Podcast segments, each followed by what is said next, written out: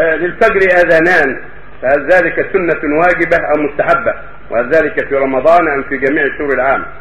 وما توقيتهما؟ الواجب الأذان فقط الاذان واحد في الجزء أما الأذان الثاني يكون مستحب إذا دعت الحاجة إليه ولا أحفظ النبي تعالى إلا في رمضان كان بأذان يؤذن حتى يوقظ النائم وينبه القائم قبل الفجر بقليل ولا احفظ عنه صلى الله عليه وسلم في غير رمضان ولكن بعض أهل العلم استحبه مطلقا للتنبيه لأنه ينبه قرب الفجر حتى يستعد الناس الفجر والذي يصوم يصوم.